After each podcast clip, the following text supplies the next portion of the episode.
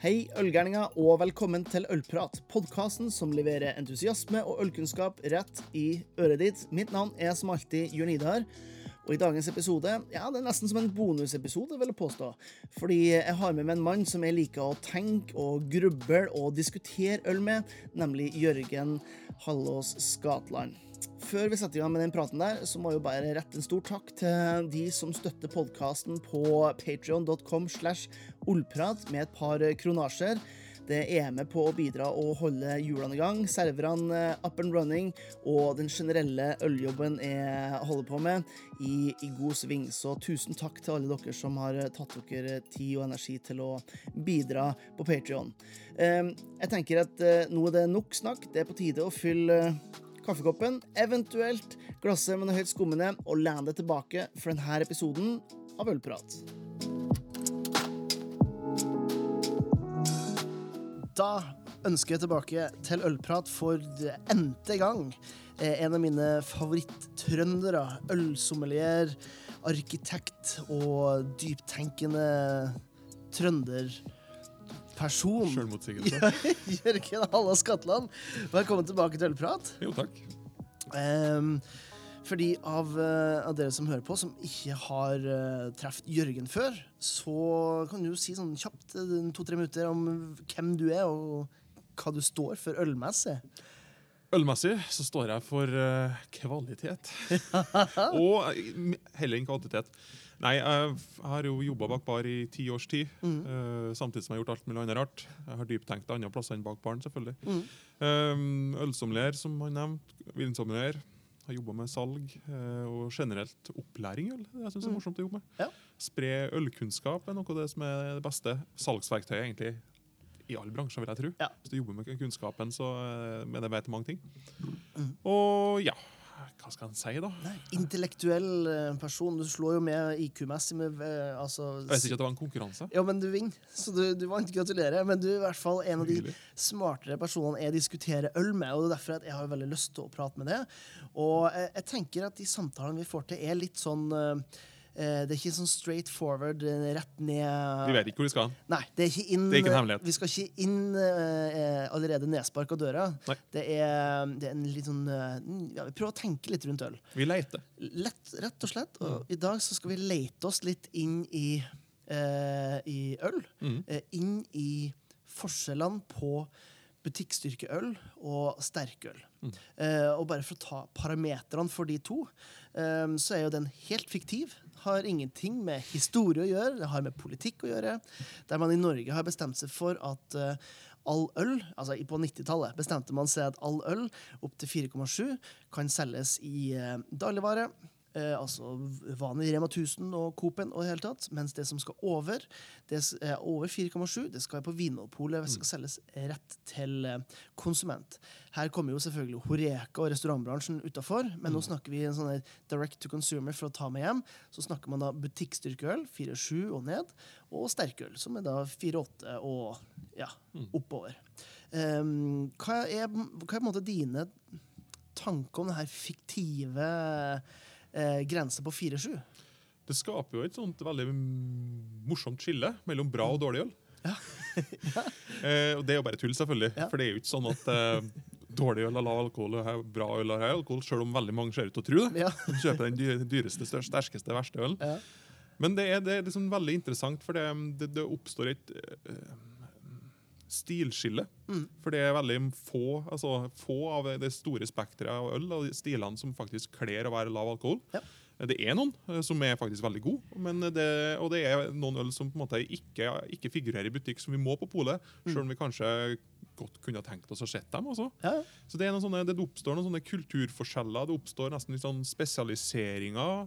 Det er veldig forskjellige former for si, Selv om det ikke er markedsføring i Norge, så er det en grad av markedsføring. ja, definitivt. Eh, emballasje det, det er masse sånne faktorer som spiller inn, som gjør at det er to veldig forskjellige verdener. Mm. Dagligvareverden er en, en egen type logikk, Mm. og Vinmonopolet er en annen type logikk. Dagligvare handler om volum. I veldig stor grad. Ja. Og tilgjengelighet. Vinmonopolet skal handle om kvalitet, helst ikke om volum. For det, det, det er liksom litt mot sin hensikt. Men Vinmonopolet har da en helt annen en måte, prosess når de også tar inn. Så de har en form for kvalitetssikring, og som du sjøl nevner, er at de er også en pådriver for både kunnskap og nyvinning. Mm. Mens eh, det vi ser på dagligvare, er kanskje ting som OK, dette vet vi selv. Ja. Det, det, er ikke, noen sånne store eksperiment som foregår i hyllene der. Nei. Så det ofte er det en slags Nå skal være litt kjip, og så skal vi være hyggeligere senere. Ja.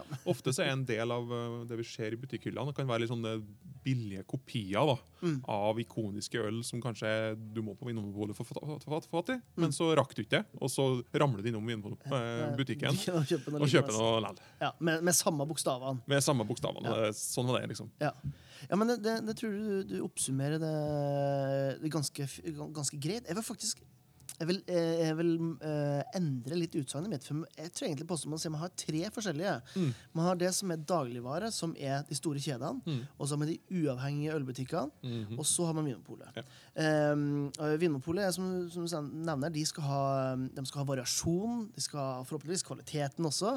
Jeg husker jo en, eh, det, han som ansatte meg inn i Vinmonopolet en gang. Han sa det at eh, hvis du skal, ha en, hvis du skal gjøre det her rett i forhold til regelverket Nå er det selvfølgelig nå satt det ekstremt på, på spissen.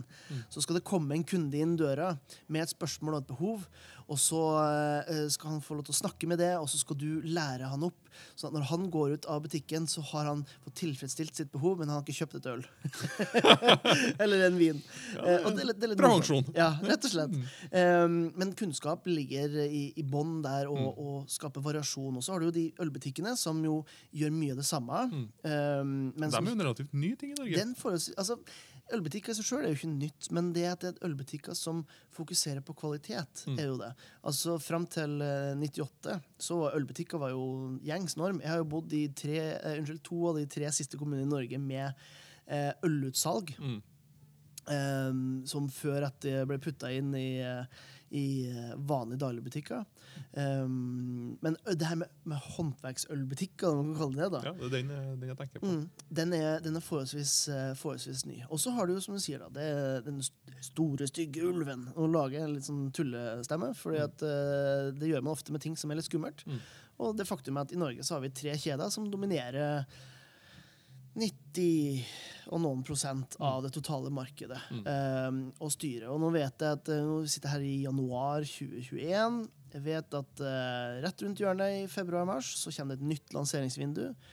Der man går fra å ha et, at man tar bort en del håndverksøl, eh, sånn som portere, brown ale vet jeg tas ut, og erstattes med IPA. Så man går da egentlig tilbake til 20 års tid siden når man fikk bare 50 Shades of Light Lager. Mm. Nå får man bare 50 Shades of IPA. Så skal ikke, um, skal ikke dvele så lenge på det, for når man snakker om de store kjedene, så har de en helt annen motivasjon enn ølbutikkene og Vinmonopolet har Mm. eh, når det kommer til spesielt profitt. da. Mm. Det, det er lett å diskutere det som at det er et profittspørsmål, men dem- det gjøres jo også en del andre bra ting i dagligvare. Jeg har, på en måte, jeg har Mm. fått påpakning på det, for jeg drev og studerte eh, norsk, altså, norsk matvareproduksjon. Mm. Og virkelig liksom kommet inn i det diskuterte eh, distribusjonssystem. Det er jo visse fordeler med at eh, håndverksøl også blir tilgjengelig i butikk. Mm. Uh, selv om det kommer utfordringer som er av, av politisk art. Um, tilgjengelighet på kvalitetsøl som er noe annet enn bare en pilsner. Ja. Eksponeringa, Ja, selvfølgelig, Det, har gjort, det har gjort veldig mye for ølkultur i Mm. Norge. Så Sånn sett så er på en måte også dagligvare og den tilgjengeligheten det representerer en positiv ting. Ja, For jeg tror ikke at eh, jeg, Hvis vi snakker om alkoholkonsum som noe negativt, så er ikke at folk Oi, nå ble det IPA tilgjengelig, nå vi, må vi drikke mer. Det er ikke det som skjedde.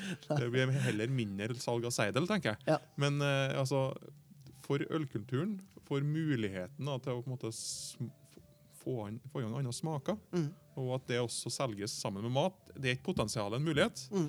som vi kanskje ikke har fullt ut utnytta ennå. Ja, Det, det, det syns jeg er en sånn fair påstand. Ja, det er enig. Og man ser jo en ganske stor forbrukerendring i 2020 pga. Av, eh, av pandemien, Mm. som gjør at eh, jeg tror i 2021 kommer vi til å få se enda mer lavalkoholøl og Mm. eksperimentering innenfor den eh, kategorien. Men det, jeg må jo vel innrømme at 4,7% ølene har ikke vært den absolutt store innovasjonskategorien for norske bryggerier de siste fem årene, i hvert fall. Nei. Fordi at eh, Det føles i hvert fall ut som at når det har vært eksperimentering, så hadde hovedsakelig vært ment sterkøl, fordi kunne man ha solgt på Vinmonopolet. Men kanskje viktigere alt, eh, viktigere alt er jo selvfølgelig Horeka.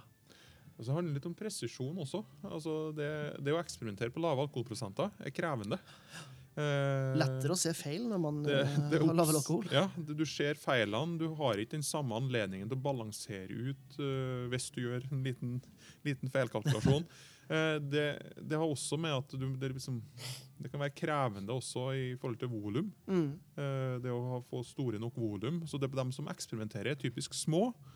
Eh, eller eksperimenterer mest. Det er jo liksom diskusjon om innovasjon. Er det små folk som gjør det, eller er det på en måte de store, de store mer industrielle produsentene? Mm. Det, det, det, det går begge veiene, men det er en, en del av på en måte, repertoaret til dem som eksperimenterer med øl. Er, blir begrensa av den alkoholprosenten. Ikke fordi at godt øl har høy alkohol, men Mm. fordi at det er en sammenheng mellom alkohol, fylde, bitterhet, sukkerinnhold, alt sånne ting. Det er en, det er en balanseting i øl. da. Mm. Og det er det som på en måte, gjør eh, skal si, lavalkoholsøl også til et lite kunstverk i seg sjøl. Ja, det er en kunstart å få det bra.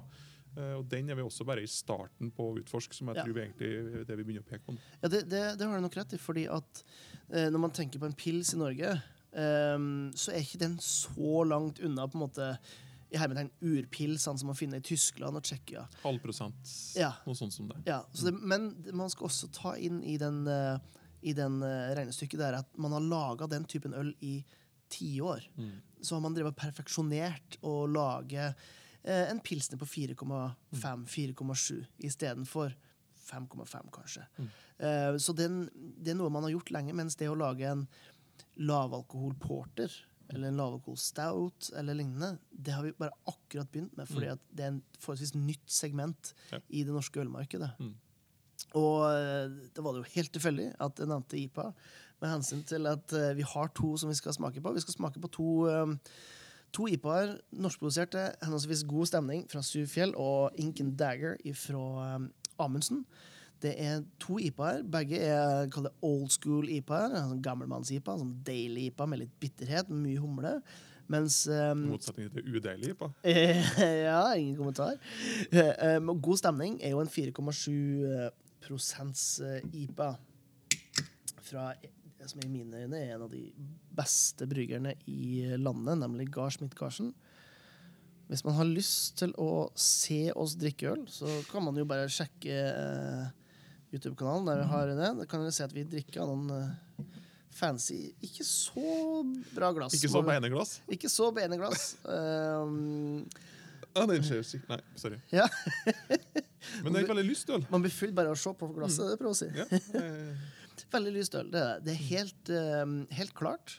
Mm. Um, fint, uh, fint skum. Aromamessig, plukker du opp?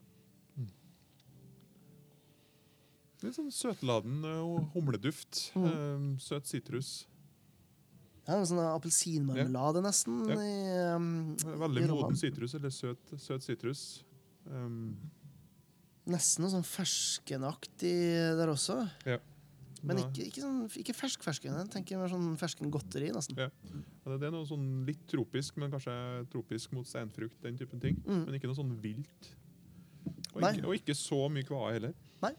Som vi gjerne får og har mye, mye humle i. Mm. Sånn- litt sånn grønne, grønne assosiasjoner. Mm.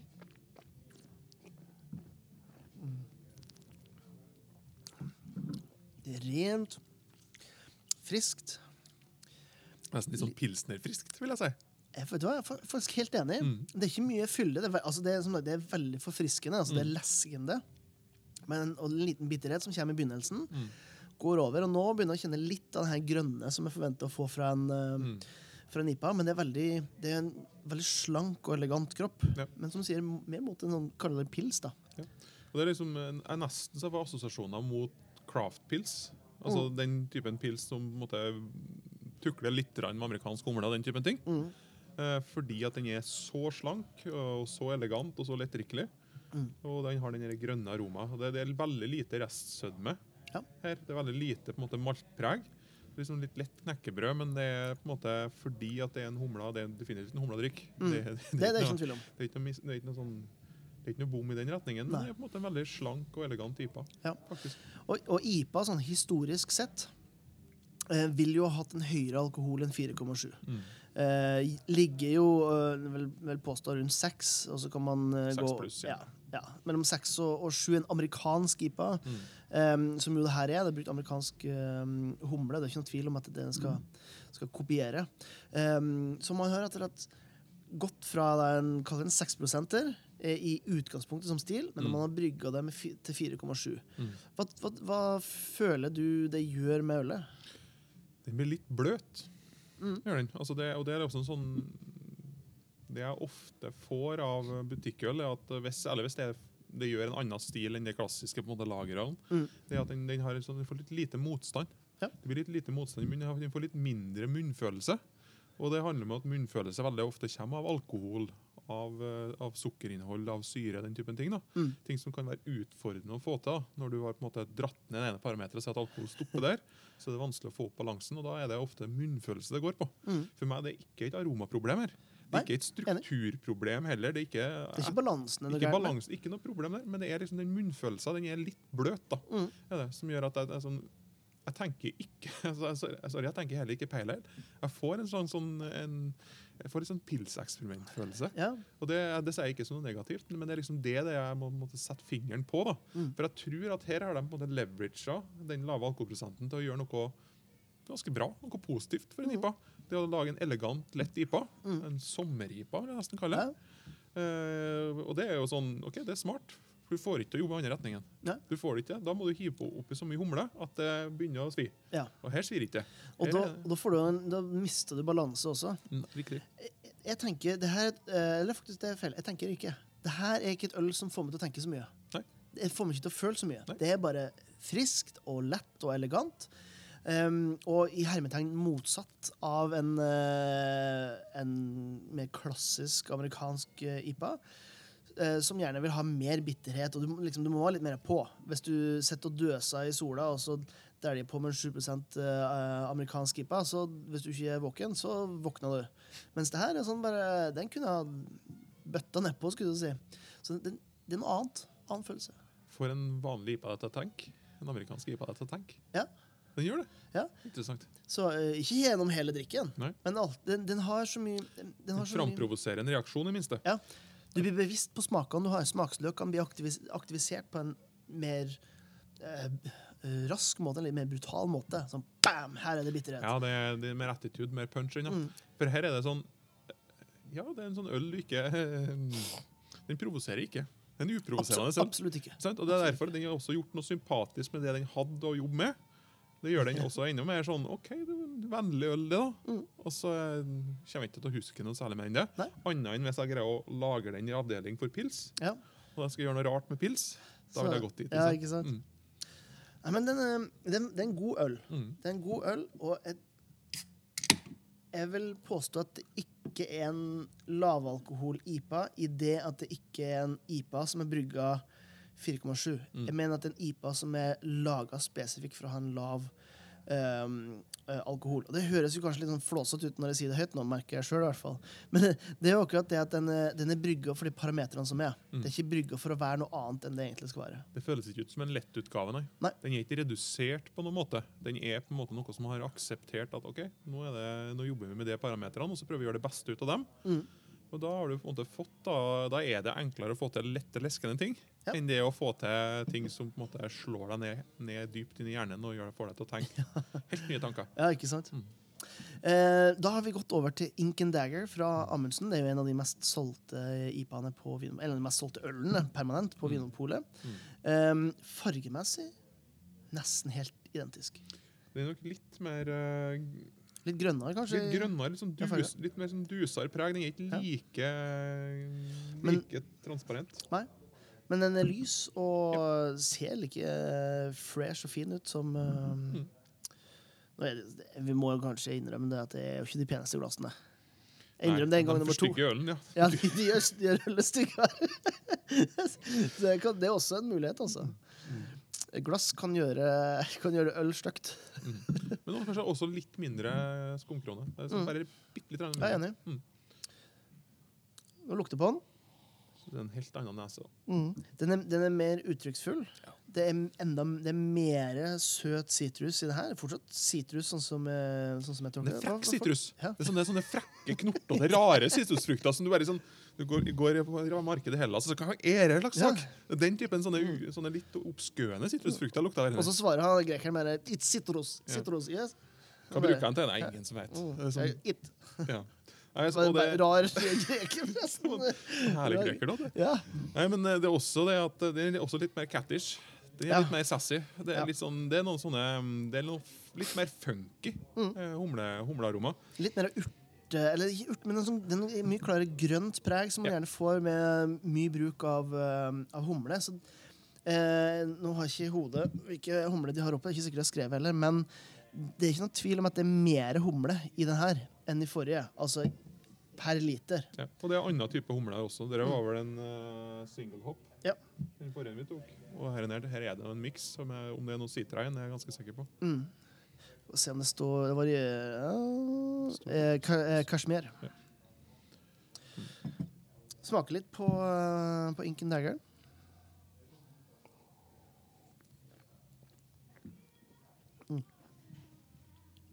Bing! Mm. Det var et symbol på at man tenker litt mer. Mm. Slår i munnen med mye mer bitterhet, mer sødme. Det er en sånn her Åh, sånn deilig sånn her appelsinskallpreg som ligger igjen i kjeften. Litt som at du har bitt i et appelsinskall, Mm. og, og for at du ville. Ikke, Ja. Det var ingen som tvang deg til. Nei, det var ikke du hadde lyst på den følelsen.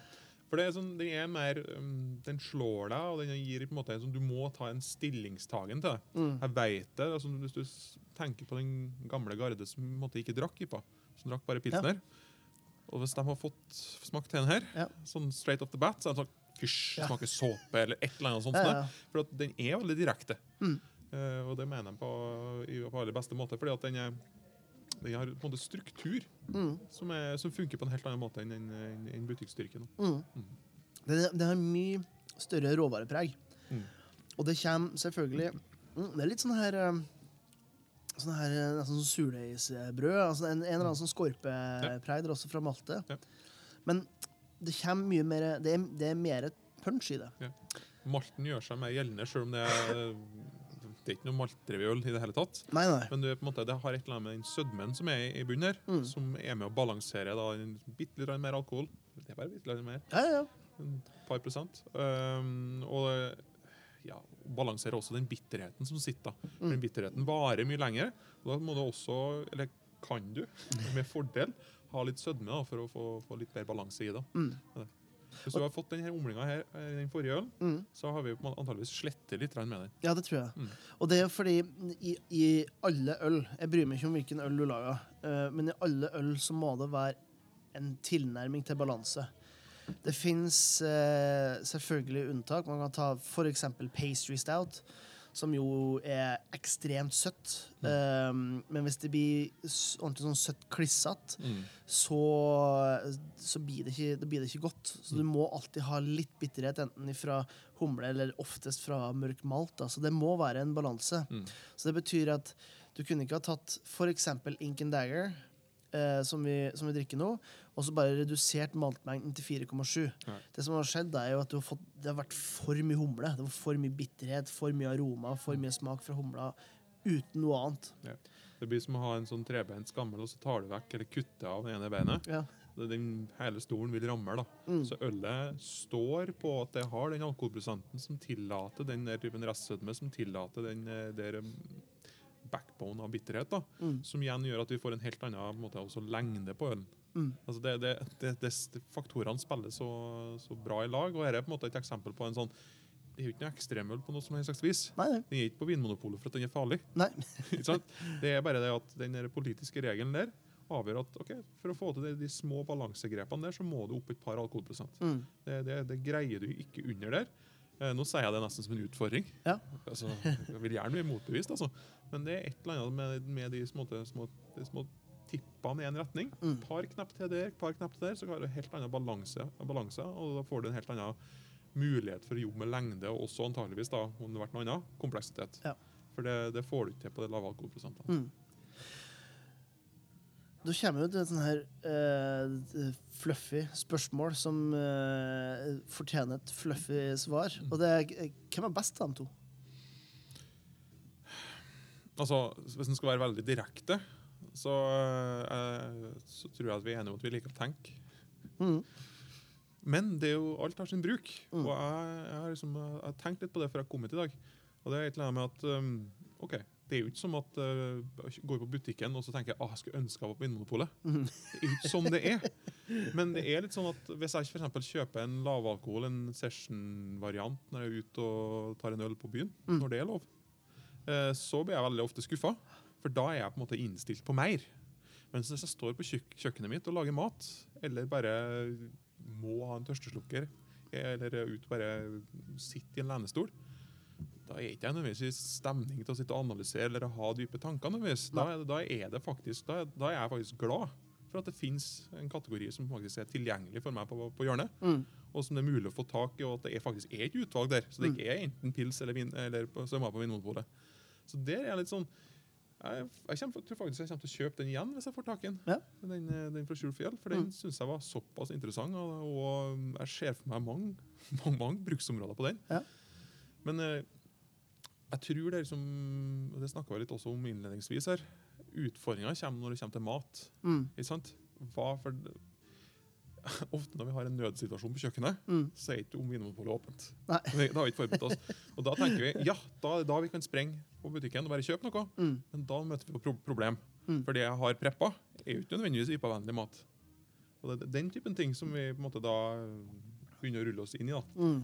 Og der er det på en måte, I, i en IPA-diskusjon så er det på en måte ikke det mest interessante å bringe inn matargumenter. og den type ting. IPA er på en måte en kombinasjon av en tørsteslukker og en samtaleøl og en slags sånn Det er jo den, nye pilsen. Ja, ja. Det å ta en øl er ofte å ta en IPA. ja, ikke sant? Og der syns jeg ganske mye av det som er på butikk, deriblant den der, leverer Mm. for det den skal være. Det synes jeg, det, og der er jeg veldig glad for at det finnes godt utvalg. Mm. Jeg veldig, her er veldig lite behov for å dra og kjøpe IPA på Vinmonopolet. Ja. I hvert fall i de siste årene. Ja, ja. Mm. Så det jo et fluffy svar, da. Og det var akkurat eh, det, var akkurat det jeg ba om òg. Mm. Fordi eh, jeg er helt enig. Det er som å sammenligne eple og pære, eh, for å oversette et amerikansk uttrykk. Fordi at det ene er brygga for å være 4,7. Det andre er brygga var 6,5. Mm. Og de er veldig gode representative eh, produkter i forhold til de to kategoriene de leverer i. Mm. Og et, et, sånn som jeg tenker det, så det er der vi øldrikkerne går feil Mm. veldig ofte. For vi sammenligner. Det er alltid en sammenligning. Mm. Ta Untapped, for eksempel. Eh, jeg hørte nylig eh, en som, som nevnte at han har hørt i en samtale at eh, ja, denne ølen har ikke en rating, så jeg vet ikke hva, om den er god eller ikke. Eh, og da blir min, smak, for den ikke har rating. det, nei, det, det blir sånn her, men eh, da må du nesten ta så gjøre det eneste som man kan gjøre å vite om noe er godt eller ikke. Du kan putte det i kjeften, Mm. og så smak på det. Eh, og det blir det samme som hvis du skal sammenligne en alkoholfri IPA, en 4,7 IPA, Mm. en uh, 6,5 IPA og en 12% IPA. De er i helt forskjellige kategorier. Mm. Tenk hvis du går på en restaurant, uh, og så har du variasjon fra carpaccio til langtidsstekt pattegris. Uh, det er jo kjøtt.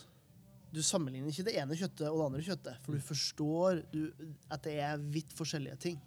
Um, og der, det, det, som sagt, det er der jeg tror at ølnerder, ølentusiaster sånn som oss, går litt feil for at man skal sammenligne bare fordi at det står tre bokstaver eller fem bokstaver som er det samme. Mm. Uh, men så er det egentlig brygga for å være veldig forskjellige ting. Det er nesten så at Norge blir et sånt land der du må på en måte klassifisere understil av. Mm. Fordi at uh, hvis, vi hvis vi nå blir utfordret til å svare ordentlig på spørsmålet Mm. hva er det som er best av en butikk-IPA og en pol-IPA, Mm. så er det sånn eh, De to ølene her er faktisk ikke sammenlignbare. Det er to helt forskjellige øl. Og det betyr at da, hvis konkurransen består i en klassisk IPA, så da vinner på en måte Modern Day Ja, ja. any day. Men hvis det er spørsmål av altså, innfakturere pris, tilgjengelighet, Mm. og si at nei, men nå skal vi bare ha noe skudd i parken og kose oss, Mm. Hadde jeg kjøpt den andre, altså. Jeg er helt enig. Det har ikke vært det har ikke vært noe fint. Det er noen, ikke sant? Her vi sitter i dag, januar, eh, det er fire grader ute, og det er jævla surt og ekkelt. Ehm, så, så ville det gått for en 6,5 av den som vi, vi hadde sist her. Mm. Det er mer fylde, det får du til å tenke. Det er, liksom, det, det er litt mer sånn komfortabelt, på en måte. Det er litt mer sånn, mm, det er litt kos. Mm. Eh, hadde det vært 25 og steaksol ute, Mm. så hadde jeg gått for butikk-IPA-en altså når som helst. Fordi at det, det er veldig, jeg vil ikke ha noen som henger over meg og gir meg en god, varm eh, IPA-klem. Jeg vil bare ha noen som gjør at det blir utørst, som smaker deilig og som er friskt. Mm. Um, som den er brygga, brygga for å være. Og så kan jeg hente inn enda et argument også. Av og til så det, det, det session-begrepet, som av og til lurer på hva det betyr, men som Mm. egentlig er noe så enkelt som at det er noe som du kan drikke flere av. Mm. Du kan ha, ha flere i en session. Mm. Bare tenk litt på det. Hvis du går på Vinmonopolet og så kjøper du alle snacksen du vil ha, Mm. alle øl, øltypene, da vet du at du, det blir ikke en morsom dag i morgen.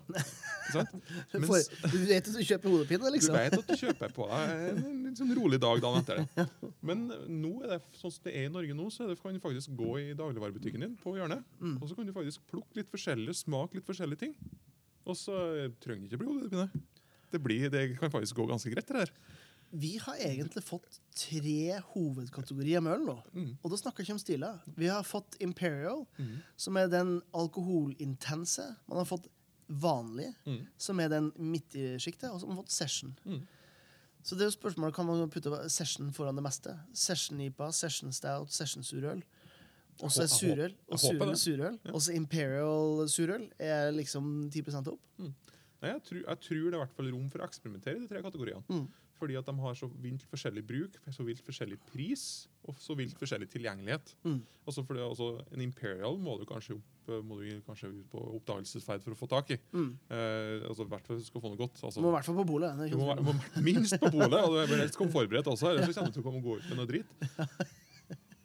For det, synes, det er også litt morsomt. da. Mm. En vanlig øl det kan vi få til å lykkes med. Yeah. Men å få til en god Imperial vanskelig. God session vanskelig. Så Der er det også et eller annet sånn, eh, den gylne middelveitingen der, som gjør at det, det vil oppstå spesialister som er jævla gode på Imperial, eller Mm. spesialister som er jævla gode på session. Et session-bryggeri er ikke noe så tåpelig idé, det. Nei, det, det er det ikke. Nei. Altså, jeg, eh, jeg husker ikke den første eh, pale alen jeg drakk. Det husker jeg ikke. Nei. Jeg husker den første lavalkohol pale alen jeg fikk. Eh, som var sånn ordentlig lavalkohol. Mm. Eh, table beer fra The Colonel. Mm. Som jeg husker når jeg fikk smaken, var bare altså, Det blåste sokkene av meg. Fordi at enn at noe som var på tre, jeg tror det var 3,2 eller 3,4 da, Det er sju års tid siden. Mm. Seks-sju års tid siden. Og det kunne smake så godt. Mm. Det var helt fantastisk. Og, det smakte pale ale, men det var liksom 3,5. Mm. Og det er litt sånn den, um, det jeg har drevet og sutra om i, i, i god stund nå, at man får flere og flere bryggerier som er likere og likere. Mm. Så man har et mangfold i forhold til hvordan etiketten ser ut, og hva de heter, og hva de kaller ølene sine. Mm. Men det som er inni, er ofte veldig likt, for alle bestiller fra den samme katalogen. Mm. Uh, og dermed ender det på et likt produkt, for at de, de vet at en IPA kan selge, og de vet at en pils kan selge, og de trenger en mørk øl, så det blir det en stout eller porter, Mm. istedenfor å som du sier, da. Hvor er liksom Norges session-bryggeri? Mm. Hvor er de som har spesialisert seg på øl mellom 3,5 og 4,5 prosent? Mm. Og gjør det virkelig godt og greier å treffe pris, kvalitet, altså for det er en veldig viktig ting i det segmentet. der. Det, altså det, det er mye mindre mellom kronene når du faktisk skal selge på dagligvare, Mm. enn det er på Vinmonopolet. Vinmonopolet så ingen som egentlig hever ikke om koster ti kroner mer boksen. Det kan spille ingen rolle.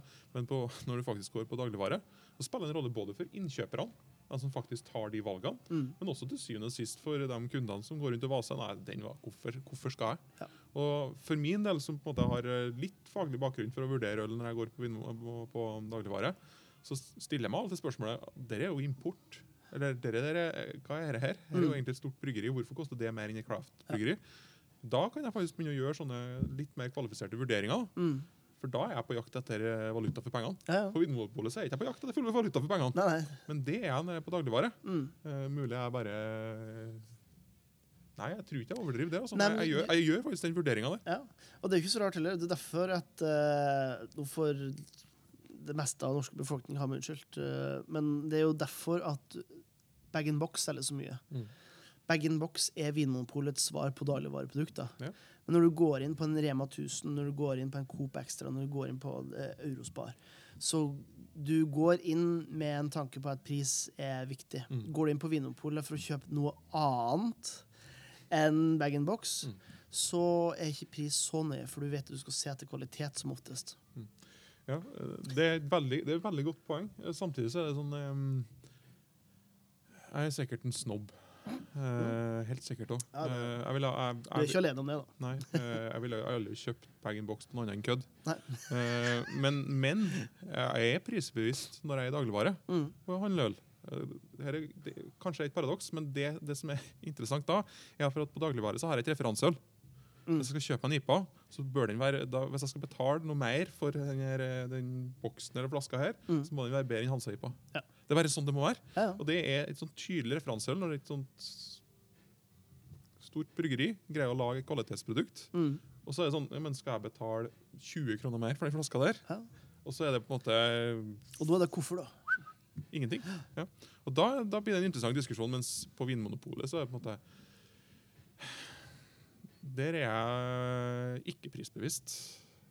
Snobbete og vanskelig. Ja.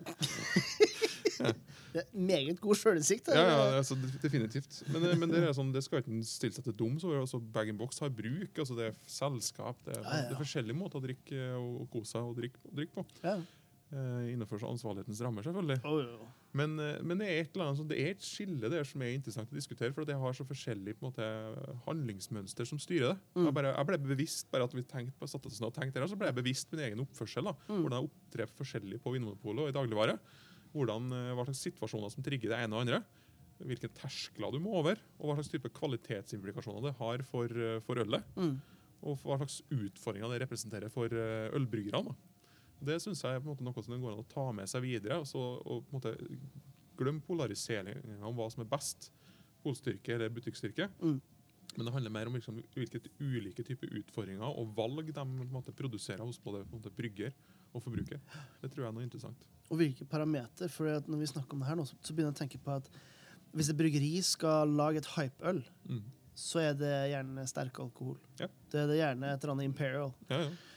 Når skal vi få se flere bryggerier prøve også å skape hypeøl som er eh, session? Mm. Det finnes, eh, Det første som kommer i hodet, er jo selvfølgelig humleshake fra Salekatt, som jo de siste årene eh, har fått De siste årene, de siste året, må jeg vel si, Mm. fått en enorm hype. Og jeg har skrøt det før. Jeg synes det er så deilig å se et engasjement rundt noe. Ah, 'Har du den? Har du sett den?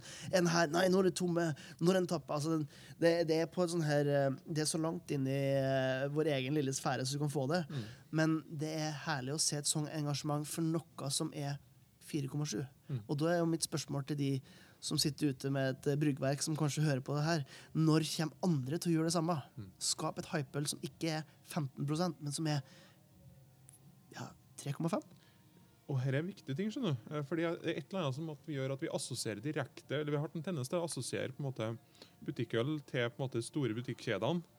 Det sier at dette er industriprodukter, nå, nå blir det sånn. Mm. Men jeg hadde en samtale med han som på en måte er distriktssjef i Rema i Trøndelag nå på mandag, og diskuterte lokalmat med. Ja. For jeg var interessert i på en måte hvordan Rema tenkte og jobba med det. Ja. Og det som dukker opp da, er at på en måte, der er det på en måte en slags økende bevissthet rundt regionale produkter. Det å bygge opp porteføljer eh, som baserer seg på hva som er tilgjengelig, ikke bare lokalprodusert, for det kan være, måtte være industriprodukter, Mm. men også det som er lokalmat, som også har en bedre på en måte, Det er enklere å, kjø eh, å markedsføre det lokalt. da. Ja. Og der er det også, Hvis da de store matvarekjedene er bevisst den type ting her, så kan det faktisk være åpninger for at små lokalprodusenter kan levere til, noe, til altså store distribusjonsapparat, som f.eks. Rema eller eh, Norgesgruppen, eller eh, hva det nå er, så lenge det er bevisste strategier fra dem. Og Da kan vi få en helt annen måte å løfte produkter inn i markedet på, Mm. i stedet for å nødvendigvis gå veien via Horeka eller Vinmonopolet, Mm. som er helt spesialiserte på en måte salgskanaler. sant? Så der er det noe som på en måte hjemmebryggere og hvert fall folk som kanskje tenker på seg selv som pionerer for lokalmat og lokal verdiskapning. Mm. Der, der er det på en måte en, en åpen kanal da, som har begynt å åpne seg de siste fem-seks årene. Der du faktisk da du kan få det lokale ølet hvis du brygger på butikk- butikkstyrke. Inn dit. Da må du møte strenge kvalitetskrav. Ja. Og da må det på en måte være bra produkter. Det er ikke nok å ha sånn tyttebærsokken hans Ola ikke. Altså det, det, det, det nytter ikke. Da må det være ting som måte svarer ut den kvaliteten som finnes. Da. Og det er på en måte en jeg vil si at det er en deilig type utfordring. Jeg var veldig Mm. glad for å høre at Rema også tenker sånn. Og kan også antageligvis tenke sånn hele veien inn, inn mot øl. da. Ja, ja. ja, der har du jo sånn som uh, Eivind Haalien, som jo Mm. har vært gjest på eh, Ølprat før, uh, fra Norgesgruppen. som jo Han er jo lokalmatspesialist, Mm. eh, som har jobba med det her i, i mange år. Nå skal det dog sies at eh, forretningskonseptet til eh, Norgesgruppen er ganske mye bredere enn Rema 1000, Mm. som er bare én butikkjede. Mm. Men, eh, men hele tanken der også Fred, om 2020 har vist oss noe med hensyn til forbrukermønster, så er det det at vi er jævlig norsk. Vi er sykt stolt av alt som er norsk. Og noe av det første som skjedde når folk har på en måte fått lagt ned panikken etter at man stengte ned i mars, var jo det at vi må handle lokalt. Mm. Lokal, eh, lokalprodusenter, norsk mat, eh, norsk undertøy, altså norsk i, i monitor. Mm. var liksom hele greia. Norgesferie og, Mm. og tjo og hei. Um, og det er et forbrukermønster som jeg virkelig håper vi kommer til å fortsette å se. Mm. For hvis forbrukerne vil ha det, så er alle andre som selger til forbrukeren, bare pokka nødt til å ta det seriøst og, og gjøre noe med det. Og det som, som jeg ser på det, som da, det vil være veldig sterke måte, krefter som vil muliggjøre lokal verdiskapning. Mm. Og når vi snakker øl, så snakker vi også om muligheten for lokal verdiskapning. Ja, altså, da absolutt. snakker vi lokal matkultur. Da kommer vi inn på de tingene der igjen. Og da det er for dumt om vi alltid skal må ty til utenlandsk importøl, for, eksempel, for å Mm. svare til norsk mat. Eh, jeg sier ikke at vi nødvendigvis har produktene klare nå, Nei. men der er det en åpning. og så sier jeg at Hvis det er samme typen markedsmekanismer som gjør at lokalmaten ender opp på, tilgjengelig for forbruker, hvorfor skal ikke lokale bryggere også benytte seg av den? Mm. Men da må de beherske et segment og en parameter og en alkoholprosent da, som gjør at vi kan få for eksempel, da, gode matøl da, Mm. produsert lokalt, tilgjengelig på den lokale ma matvarebutikken. Mm. Da begynner vi å snakke noe som det kan være både volum og økonomi ikke sant? Ja. For, for bryggeren også, Ja, i tillegg til matvarekjeden selvfølgelig. ja, jo, jo, de, de får først. Mm. Og så får andre stille og sette. Mm. Jeg syns det er en veldig bra eh, En bra samtale om eh, et tema som føler å si at det er kom, altså kontroversielt, for det er det jo ikke. Men det er i hvert fall noe som folk alltid snakker om. Det er, det er godt å være butikkøl, eller er godt å være alkoholfritt. Men Mm. eh, jeg tror vi lander litt på at det er godt uansett, men det er forskjellige ting. Det er veldig fort at diskusjonene blir enten-eller. Ja. Mens eh, det, vi, det er i hvert fall sånn som samtalen her beveget seg. Mm. i at Selv når vi sammenligner de to ølene her, og på en måte egentlig ikke tok noen sånn sterk stillingstagende hva som er best, så er det på en måte mm, Det er mye å hente da, på å forstå konteksten.